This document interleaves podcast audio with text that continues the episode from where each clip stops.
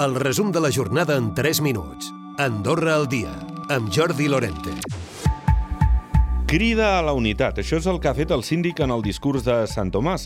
Reclama als partits consens pel que fa a l'acord d'associació i en d'altres qüestions importants que són capdals en el present actual d'Andorra. Carles Ensenyat. La reforma del règim d'inversió estrangera després de l'experiència acumulada durant més d'una dècada. El desenvolupament urbanístic, àmbit en el qual el consens ha d'anar més enllà d'aquesta cambra i incloure també els comuns. I la sostenibilitat del sistema de pensions la tretzena paga i la idea de tancar un acord a quatre anys vista no era assumible per la Confederació Empresarial. Això deia el director general de la CEA, Iago Andreu. La qüestió de la tretzena paga va molt més enllà i això era inassumible. I, i, i, i cap, cap, és a dir, ha estat una resposta unànime. A vegades hi ha coses que generen debat dins de la CEA com dins de qualsevol organització. Però aquesta, i l'hem arribat a discutir fins a tres vegades, no n'ha generat de debat.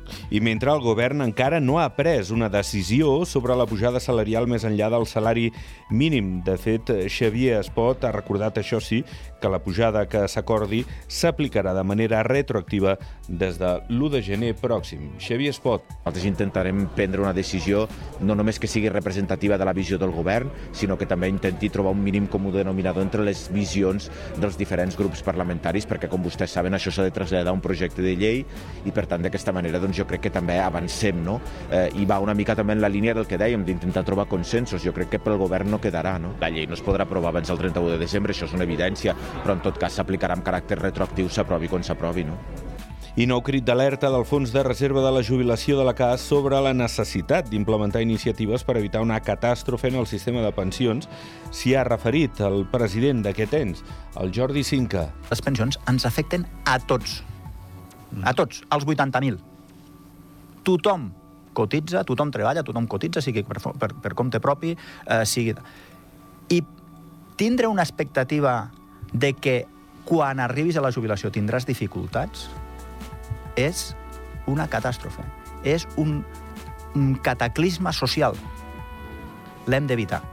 I FEDA preveu tancar aquest any amb uns 20 milions d'euros de benefici gràcies a aspectes com l'estabilització dels preus i l'actualització de les tarifes. Per al nou any es preveu un increment del 4,2% que ja va anunciar el govern i pel fet que es continuarà sense repartir dividends, el present i el futur de FEDA es veu amb optimisme. La Maria Sunyer és directora financera de la companyia. Aquest any no hi ha previsió de repartir-los i en el pressupost de l'any que ve en principi tampoc estava contemplat però no és una que tinguem tancat amb 3, 4, 5 anys. O sigui, en el curt termini aquest any no hi havia previsió i l'any que ve en pressupost tampoc. I Gran Valira Resorts oferirà més de 150 quilòmetres esquiables durant aquest Nadal, amb totes les connexions operatives entre sectors. Recupera el resum de la jornada cada dia a AndorraDifusió.d i a les plataformes de podcast.